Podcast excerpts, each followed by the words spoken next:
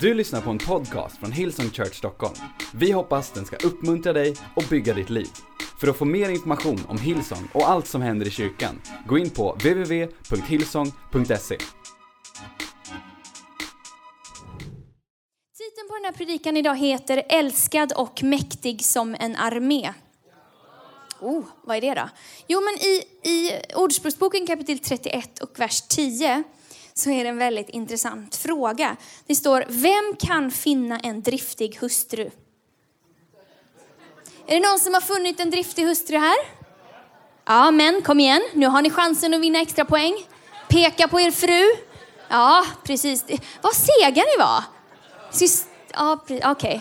Ja, det finns så många driftiga. I någon, unders- i någon eh, översättning står det en god hustru. Var, var, kan man hitta en sån?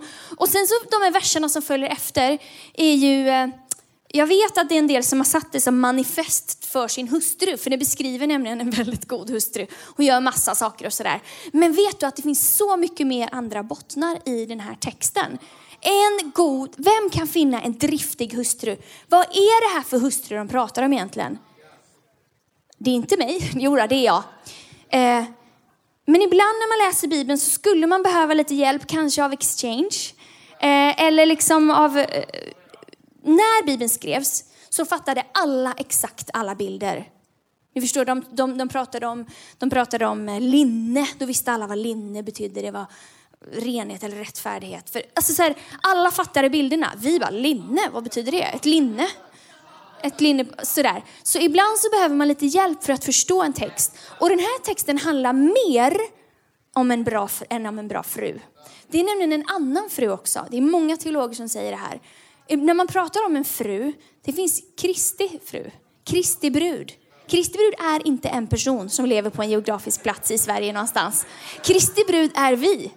Vi, kyrkan, är Kristi brud som han har utvalt, som han har sett som sin. Så när man läser den här texten då kan man tänka att det gäller dig. Även om du har lite skägg, och är man alltså.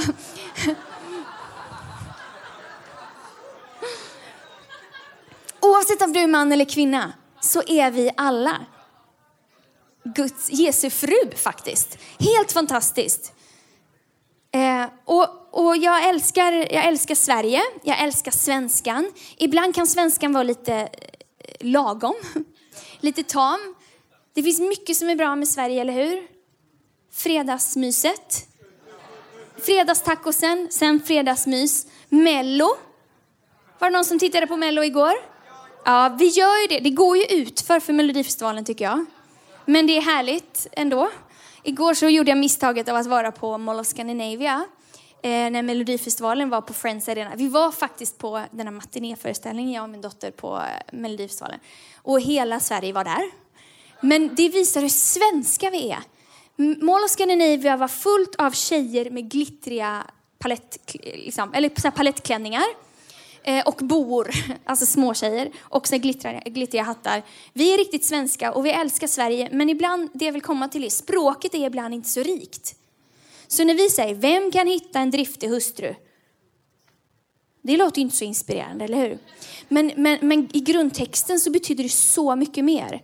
Så det finns en översättning som heter The Passion Translation, som jag tycker är helt fantastisk, som försöker beskriva lite mer vad det betyder.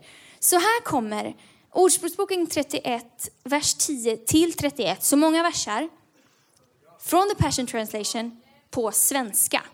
Okej. Okay. Så när vi läser det här, då handlar det om oss, kyrkan, som Gud har utvalt. Vem kan någonsin finna en fru som denna? Hon är inte bara driftig, hon är en mäktig, excellent, moraliskt rättfärdig kvinna, full av substans, integritet, förmåga och styrka. Hon är mäktig som en armé. Hon är full av rikedom och vishet. Priset som betalades för henne var större än många juveler. Hennes man litar fullständigt på henne, för hon vinner stora segrar åt honom. Genom hela sitt liv gör hon bara mot honom vad som är gott och inte ont. Hon söker re regelbundet efter det som är rent och rättfärdigt. Hon gläder sig i sina händers arbete. Hon ger ut uppenbarelsesanning för att mätta andra. Hon är som ett handelsskepp som för med sig godomliga tillgångar från affärsinnehavaren. Även under nattsäsongen reser hon sig upp och sätter mat på bordet för hungriga i hennes hus och för andra. Hon sträcker ut sitt hjärta mot en nation och tar den till sig som sin, bär den inom sig. Hon arbetar där med att plantera levande vinrankor. Och för de som har läst Bibeln lite grann vet att Jesus är eh, vinstocken och vi är grenarna. Kanske plantera kyrkor där, vad vet jag. Hon ikläder sig styrka, makt och kraft i alla sina arbeten. Hon smakar och upplever goda tillgångar och hennes lysande ljus kommer inte släckas hur mörk natten än blir. Har ni somnat? Nej? Det är fantastiskt det här, eller hur? I sin hand håller hon sitt arbete och tar tag i arbetsredskapet med sina fingrar. Hon är känd för sin överflödande generositet mot de fattiga. För hon sträcker alltid ut sina händer till dem i nöd. Hon är inte rädd för motgångar. Vintern. Det är en stor motgång. För alla i hennes hus är iklädda den dubbla klädnaden av rättfärdighet och nåd. Hennes kläder är vackert sammanvävda, en lila dräkt av dyraste linnetyg. Hennes man är känd och beundrad av alla, där han sitter och dömer sitt folk.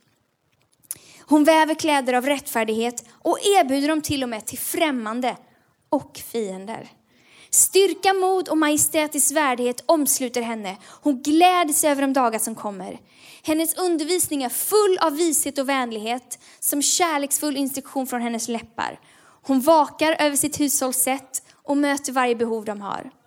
Hennes söner och döttrar reser sig upp som ett ackord och prisar henne och hennes make reser sig upp för att tala om henne med strålande ord. Det finns många tappra och ädla, men du överträffar alla. Skärm kan vara missledande och skönhet förgäves och så snabbt falnande.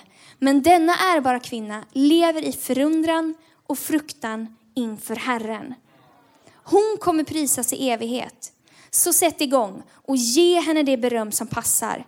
För hon har blivit en strålande kvinna och hennes kärleksfulla arbete i rättfärdighet förtjänar att beundras vid stadsporten till varje stad. Coolt, eller hur? Kyrkan. Det här är liksom det här är Guds planritning. Blueprint säger man på engelska. Blå. Print, nej vad säger man på svenska? Jag vet inte. Det är ritningen. Så här, när Jesus ser på sin kyrka, när han ser när han val, utvalde kyrkan, tänkte han, så här kan det vara. Så här kan det bli. Och vi är kyrkan. Det är hans, och det är dessutom hans A-plan. Om du ibland funderar på vad, hur ska det bli med världen, vad, vad liksom, hur ska det bli? Vi är planen. Du och jag är planen. Vi är utvalda, vi är kallade och vi har det i oss som krävs. Även om vi inte alltid känner det. Så kyrkan är ingen död, inaktiv, trött liten företeelse. Det är inte tanken. Den ska vara levande, mäktig, excellent, full av substans, full av rättfärdighet, mäktig som en armé. Det är därför jag säger älskad och mäktig som en armé. Kyrkan, vi tillsammans. Så snabbt, inte så snabbt, men ganska snabbt. Fem saker som vi utifrån den här texten kan applicera i våra liv. Då vet du det. Fem saker. Du kan börja räkna ner. Om magen börjar kurra så kan du veta när du är på punkt fyra att det snart är det, snart är det någon sorts fika där ute. Alltså några är ju så bortskämda med after church. Vet ni om det? Det är alltid bra fika. Jag vet inte vad vi bjuder på idag. Kanske det blir ingenting bara för det. Kaffe, men det är alltid, ni ska bara veta hur bra ni har det. Alla andra locations har inte det goda fikat varje gång. Ja, det är nivå på norra. Vi älskar fika. Det är en svensk uppfinning som vi älskar, eller hur? Oj, nu blev jag, nu blev jag fick ett sidospår. Okej, nummer ett som vi kan göra. Uppvärdera kyrkan. Det står, i Ordspråksboken 31 och 10. Långt mer än pärlor är hon värd. Vi kanske inte tycker att pärlor är så värdefulla, men på den tiden var det otroligt värdefullt. Och det stod också i den här persen, priset som betalades för henne var dyrbarare än många juveler. Jesus Kristus dog för kyrkan. Han dog för dig. Och, och, och sanningen, vi brukar ju säga så här att kyrkan är ingenting man kommer till, kyrkan är någonting vi är. Så du och jag är kyrkan. Men grejen är att det blir inte bra om vi tänker att vi är kyrkan liksom bara helt själva och inte är del av den stora gemenskapen. För att det blir, det, vi talar om att vi är Kristi kropp, det är en annan bild. Liksom Jesus i huvudet och vi är lemmarna. En liten avhuggen hand blir rätt ofräsch när hon inte är en del av den stora kyrkan. Så när vi pratar om allt det här så pratar vi om oss individuellt. Men det är också viktigt att vi värderar vad vi är en del av ah, men jag behöver inte kyrkan idag. Jag är lite så här, jag har ju fått mitt, jag har lyssnat på en podcast. Du behöver kyrkan. Vi behöver kyrkan. Eh, I Hebreerbrevet kapitel 10, vers 25, så står det att och låt oss inte försumma våra samkomster, som några brukar göra. Utan uppmuntra varandra, och detta så mycket mer som ni ser att dagen närmar sig. Vet du, det vi värderar, har ni uppvärderat ett hus någon gång? Härligt! När mäklaren kommer och säger liksom, ja men det här, vi höjer nu med någon miljon eller sådär, det är härligt. Ibland behöver vi uppvärdera hur vi ser på kyrkan. Ehm, och någonting som man sätter värde på, det prioriterar man. Och jag vet att jag, jag predikar ju till, till kören här, liksom, för ni är ju här. ni, ni prioriterar i kyrkan, men det är någonting man talar om. Det är någonting man tar hand om. Det är någonting man värderar. Eh, men jag tänker också att vi behöver uppvärdera synen på oss själva. Och det här, jag, vet att, jag vet inte varför vi aldrig tar examen från det här, men ditt värde är dyrbarare än många juveler. Jag bryr mig inte om hur, vad någon har sagt om dig. Eller hur du ser på dig själv.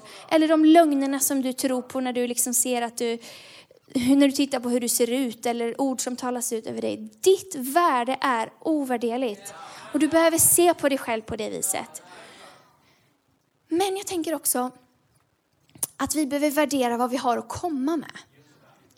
För jag, jag, vet, jag har lärt mig att Jesus älskar alla barnen och att, att jag är värdefull. Men jag har inte alltid värdesatt det jag har att komma med. Man kommer liksom, idag är inte Andreas här, men Andreas Nilsson som kan liksom predika cirklar runt vem som helst i, i, mitt i natten när han vaknar så här, tycker jag. Han är helt fantastisk på att predika. Erik Liljeros som bara drrrt, han får liksom en veckas arbetstid har han gjort på en timma. Alltså, eller arbetsbörda. Han, har, han är så effektiv, jag fattar inte hur han gör det. Det finns så många andra liksom, som kan göra saker. Och jag tänkte, ah, men vad gör jag för skillnad? Jag kan inte göra det, jag kan inte göra det. Och så är man liksom, ah, jag kan ju lite det här och lite det här. Så är det så lätt att man ser ner på det som man har att bidra med. Och då är det ju också lätt att man liksom, att man tar och sätter sig lite här. Eftersom det gör ingen skillnad. Ser ni mig där bak? Det gör ingen skillnad när jag kommer in i ett rum. Det gör ingen skillnad. Jag kan inte ändra atmosfären. Jag kan inte, alltså ni, ni verkar inte behöva mig här. Sitta i lamporna funkar, det är någon som har fått upp en, eh, allting ser ju perfekt ut. Vad kan jag bidra med? På riktigt så har jag tänkt på om mig själv. Och jag får jobba med det. Att se att, att, inte, att inte dra mig tillbaka. Och att inte så gräva ner min, min talent som, som det var en i Bibeln som gjorde. De fick pengar, han tittade på sitt och undrade, är det här var för lite? Det här var inget att ha. Det här, jag kan bara misslyckas. Och så grävde han ner pengen istället för att göra någonting åt det. Det är så lätt att vi gör det. Och så tänker vi också, men när vi tänker att det inte gör någon skillnad, då kanske vi inte anstränger oss att förändra atmosfären. Då kanske vi inte anstränger oss att ge någon ett leende. Då kanske vi inte anstränger oss att faktiskt ge det lilla som vi har. Men det behövs min vän.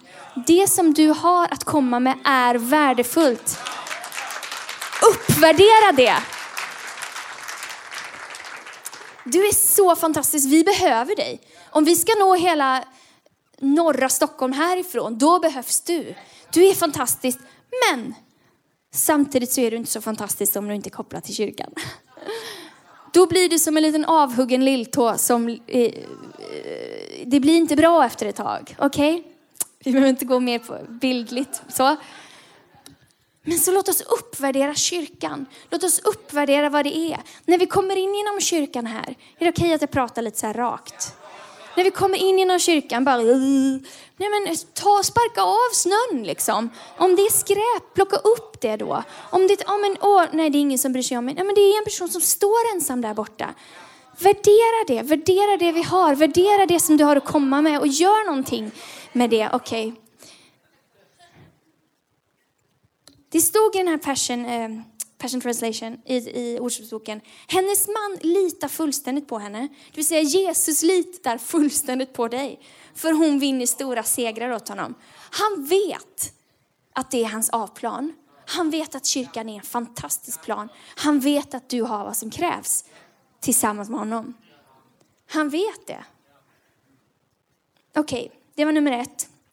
Uppvärdera kyrkan. Nummer två, res dig upp. Ehm, I Ordspråksboken kapitel 31, vers 15 så står det att när det ännu är natt går hon upp och sätter fram mat åt familjen, portioner åt tjänarinnorna. Eller även under nattsäsongen reser hon sig upp. Ibland går man igenom nattsäsonger. Eh, det stod här vintern, det är de tuffa tiderna, har haft en lång vinter. Ja, lite solstrålar hade varit härligt. Men det är intressant att Jesus, Jesus säger det i många, till, många tillfällen i, eh, när han gick här fysiskt till människor. Res dig upp. Han säger det till minst två lama människor. Res dig upp. Han säger till en blind man, Bartolomeus, res dig upp och kom hit. Han säger till en död flicka, res dig upp. Och det kan vara lite provocerande.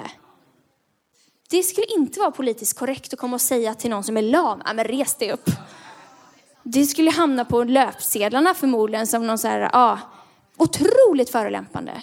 Men Jesus säger det, res dig upp. Och eftersom han säger det, då är det möjligt. Så jag vet inte riktigt vad du befinner dig i för situation, om, det bara är, om du bara är trött, eller om du bara har varit sjuka hela året, eller om det bara är att, liksom, eh, Eh, att det är dött i äktenskapet, eller att du har fått negativa ord talande över dig så att det känns som att du är förlamad, eller att du inte kan se klart, att du är blind, eh, bildligt sett. Men du kan resa dig upp. Även under natten kan du resa dig upp. Och det är ju någonting som händer på insidan.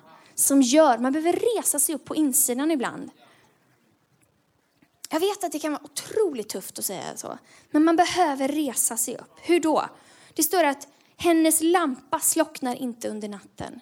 Låt inte din lampa slockna under natten. Lampan, det kan vara Guds ord. Ditt ord är mina fötters lykta och ett ljus på min stig. Lampan kan vara bönen. Att du har, något, att du har ljuset på insidan. Um, så låt inte din lampa slockna, även om du nu är liksom under isen. Låt någonting resa sig upp, i alla fall på insidan. Uh, I första Korintierbrevet kapitel 13 och vers 11 så står det om ett annat sätt att resa sig upp. När jag var barn talade jag som ett barn, tänkte som ett barn och förstod som ett barn. Men sedan jag blivit vuxen har jag lagt bort det barnsliga. En del av oss behöver resa oss upp och ta ansvar. När man var barn, då var det fine att krypa runt. Eller liksom kladda ner. Åh, oh, vad kladdigt det är att ha ett till tvååringar alltså. Och jag är så glad att det är över. Det finns en tid när de faktiskt, ja, våra barn äter fortfarande utanför tallriken, men i alla fall inte, inte överallt. Vad var jag nu då? Ja, men resa dig upp och ta ansvar i den situationen där du är. Du har det inom dig. Välj att resa dig upp. Ta ansvar för atmosfären i ditt hem. Ta ansvar för din del av relationen. Ta ansvar för den relationen som har varit död ett tag, men du kan investera in i den. Res dig upp. Om det är i skolan, att det är kass atmosfär och det är någon sån grupptryck. Du min vän, du har det i dig. Du kan resa dig upp. Res dig upp och ta ansvar och gör någonting. Acceptera utmaningen. Du har det inom dig. Gud bor i dig. Vi behöver ibland resa oss upp trots att vi är rädda och våga ta det där steget. Det är inte lätt, det säger jag inte. Inte något lätt. Men Jesus säger, res dig upp. Då måste det vara möjligt. Om det inte finns några utvägar, man kan i alla fall resa sig upp. Om du inte vet åt vilket håll du ska gå, bara res dig upp och lyssna efter hans röst. Ja.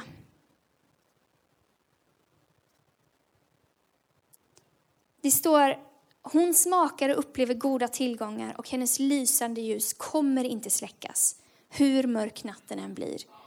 Att komma till kyrkan hjälper mig att resa mig upp. Det, ibland, man, mm, jag, jag vaknar inte så här på morgonen i blå kavaj och sminkad. Det finns dagar när jag inte vill gå ur sängen. Det finns säsonger när man känner så här, nej nu lägger jag av. Ja, så känner man ibland. Är det någon som har känt det ibland? Nu struntar jag i jobbet. Idag stannar vi hemma, eller hur? Det är ingen som... Tobbe Palm vågar inte räcka upp handen för att hans chef står på plattformen. inte Vanessa heller. Och en ungdomspastor. Men vi andra. Nej, men ibland det finns dagar när man känner bara nej. Det finns dagar när man känner, har jag någonting mer att ge? Har jag, det, det finns dagar när man känner sig orättvist behandlad, missförstådd. Folk säger saker, folk ser inte vad man gör. Folk uppskattar en inte vad det nu är. Det är inte kul. Man känner inte för att resa sig upp. Man känner för att ligga under täcket med en mys, kläder och äta Ben Jerrys. Eller hur? kan man göra ibland också. Men vi, Gud har, det, har lagt det i oss. Vi kan resa oss upp i varje situation. Han har skapat oss till hans avbild. Okej. Okay.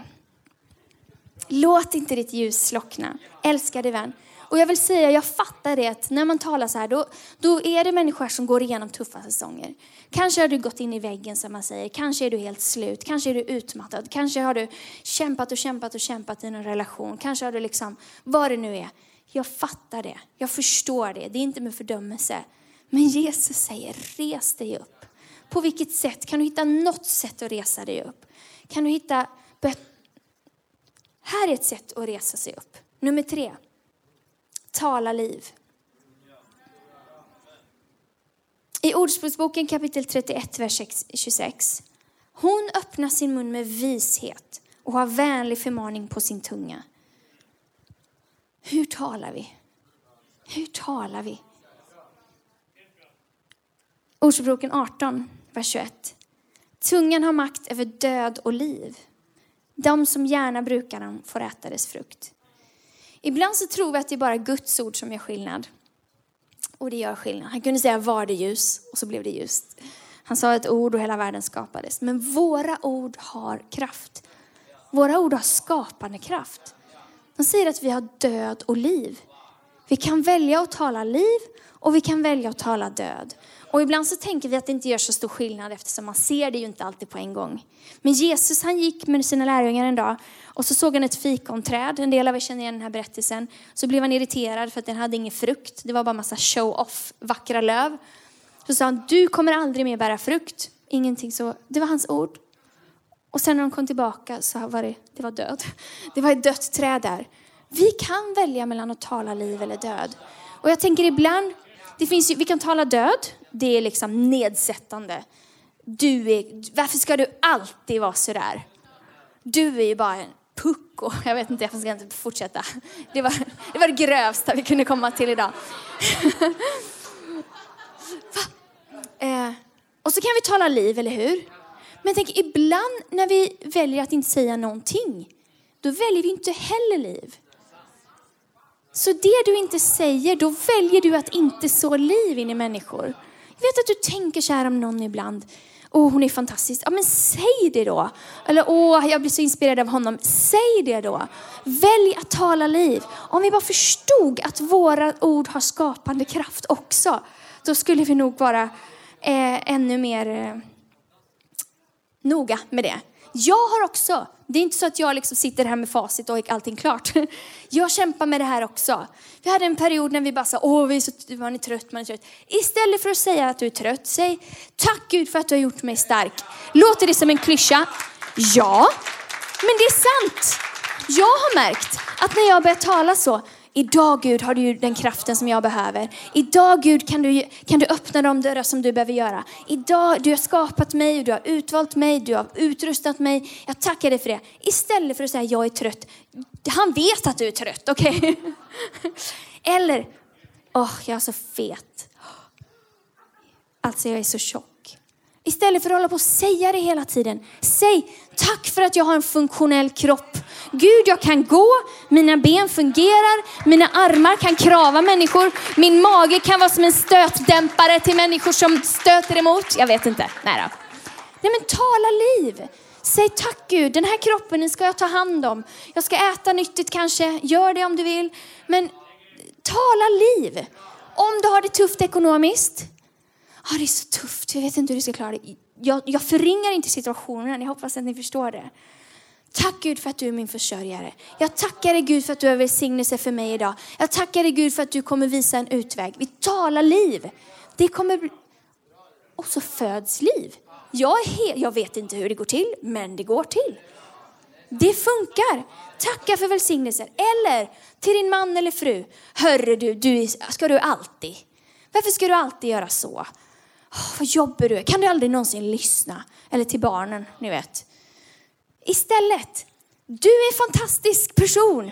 Du som är så härlig. Kan inte du tänka på att visa det lite mer? Jag vet inte. Jag försöker verkligen göra det mer. Angelina, du är fantastisk. Men visa det är du snäll. Ta fram det. Och jag märkte att det funkar. Bättre än att säga skärp dig, sluta, tyst. Så får du inte säga. Tala liv. Tala liv. Och man kan tro att det är något som så här äh, positivt mantra, men jag har verkligen märkt att det funkar. Tala liv och tala Guds ord så blir det hur bra som helst. Igår var vi på Melodifestivalen då eftermiddagsföreställningen eh, Genrepet. Härligt. Vi fick en av de här platserna åh, så långt upp på Friends Arena som man tror att man ska dö. Jag vet inte, det är bara kanske jag som har höjd, lite jobbigt med höjder. Man ska inte tänka på vad som kan hända om ett barn råkar svinga sig lite för högt upp på de där räckena. Det kan väl inte hända. Men i alla fall var på Melodifestivalen. Vi var i god tid, trodde jag. Men sen så kom vi till Järva krog och där var alla bilar i hela världen. så det blev jättemycket kö. Vi försökte leka lite lekar och sådär för att tänka, men den här marginalen som vi hade, det blir mindre och mindre. Till slut var, var vi framme vid Mall of Scandinavia där vi hade tänkt att parkera, men det hade ju alla andra tänkt också, såklart.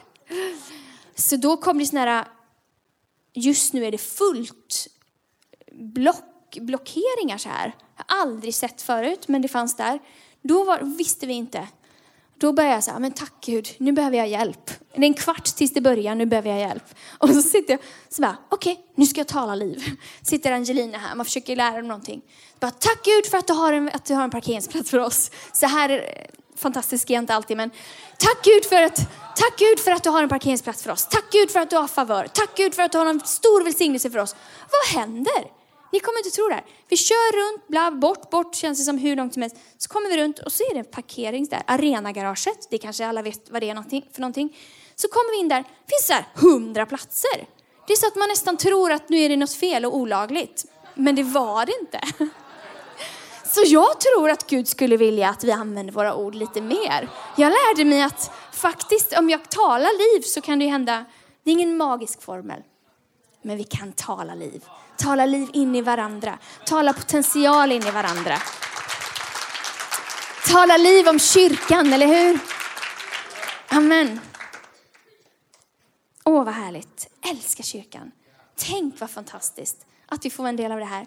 Okej, nummer fyra. Oh, jag måste skynda mig. Använd dina gåvor. Ordspråksboken kapitel 31 och 17. Hon fäster ivrigt upp sina kläder och går till verket med starka armar. Det här har Andreas predikat en del om, om att vår tro behöver märkas.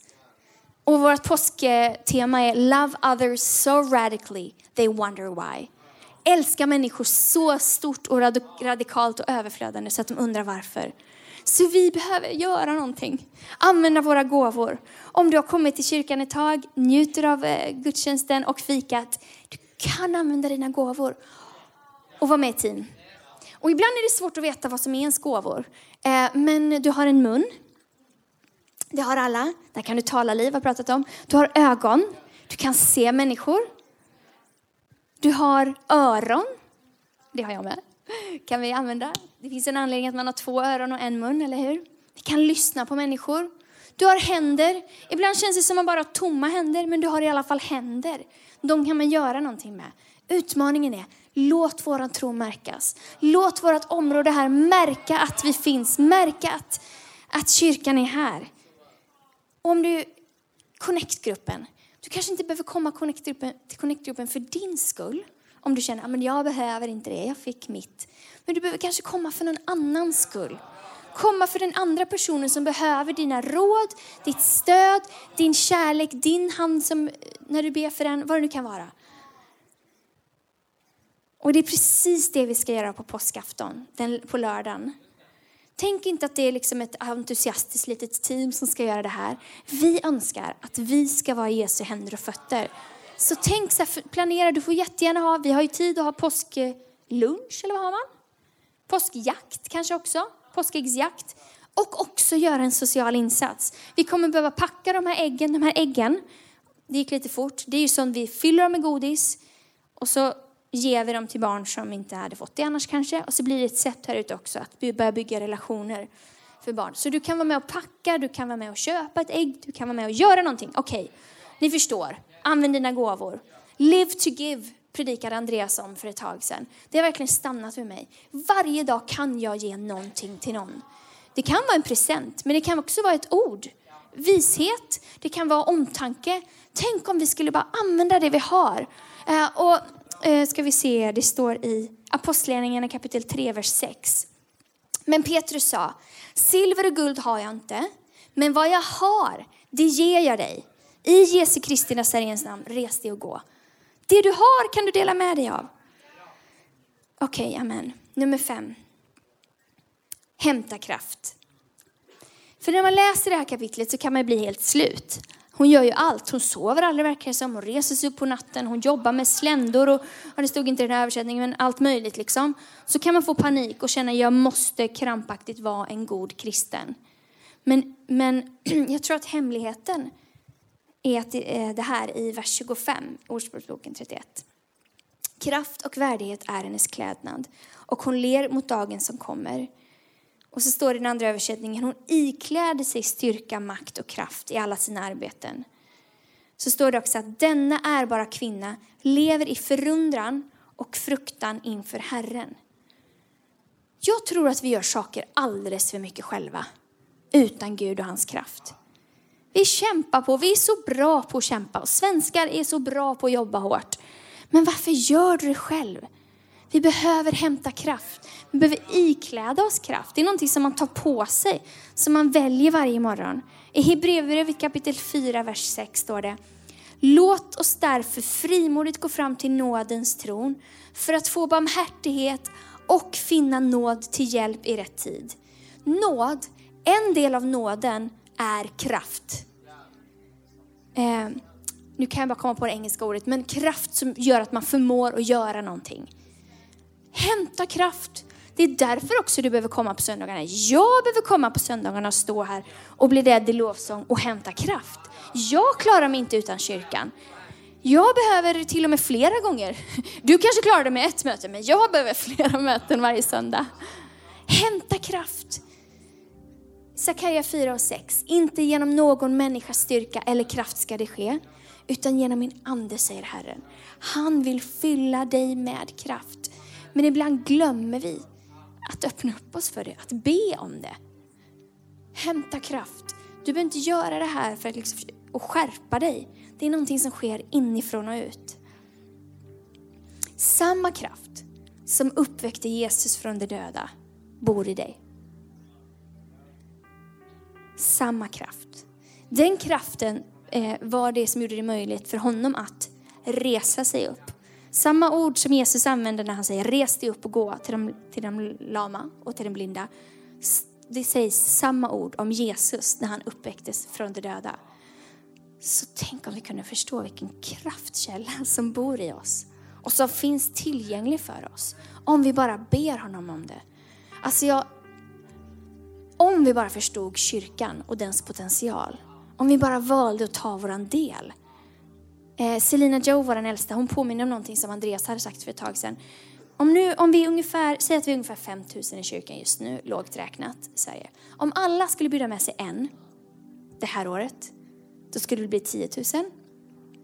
Om alla nästa år, på hela året, skulle bjuda med sig en till, som alla till, hur många blir vi då? 20 000. Ett år till, 40 000. Räknar jag rätt? Ett år till, 80 000 och så vidare. Alltså, på fem år skulle det bli 160 000. Så det är kanske inte så svårt ändå, jag vet inte. Men jag tänker att låt oss resa oss upp och bli den kyrka som Jesus har kallat oss till att vara. att bli Att se att vi är älskade, fantastiska, men ändå vara mäktiga som en armé. Eh, Lovsångsteamet kan komma upp. Det är så, vem kan någonsin finna en fru som denna? Hon är mäktig, excellent, moraliskt rättfärdig kvinna, full av substans och integritet, förmåga och styrka. Hon är mäktig som en armé, full av rikedom och vishet. Och hennes kärleksfulla arbete i rättfärdighet förtjänar att beundras vid stadsporten till varje stad. Tänk om våran stad kunde beundra kyrkan och hitta Jesus på grund av det.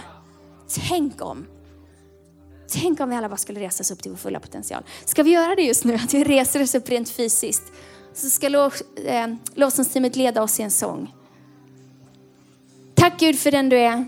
Tack Gud för att du älskar oss, har älskat oss, att du har dött för oss, att du har utvalt oss. Tack Jesus för den tilltro som du sätter till oss Herre, för att du verkligen tror på oss. Tack för den potential som du har lagt i din kyrka, i din församling. Jag tackar dig för varje person som är här. Tack för att vi får vara här just för en tid som denna. Herre, tack för att vi får hämta kraft hos dig. Att du fyller oss med kraft. Herre, just nu så talar jag ut kraft över modlösa hjärtan. Kraft över skakande krän. Herre, jag tackar dig för din frid. Jag tackar dig för din glädje. Jag tackar dig för att vi får resa oss upp i det, att vi får tala ditt liv, att vi får leva ut det liv som vi har på insidan. Tack Gud för den som du är för oss. I Jesu namn. Amen.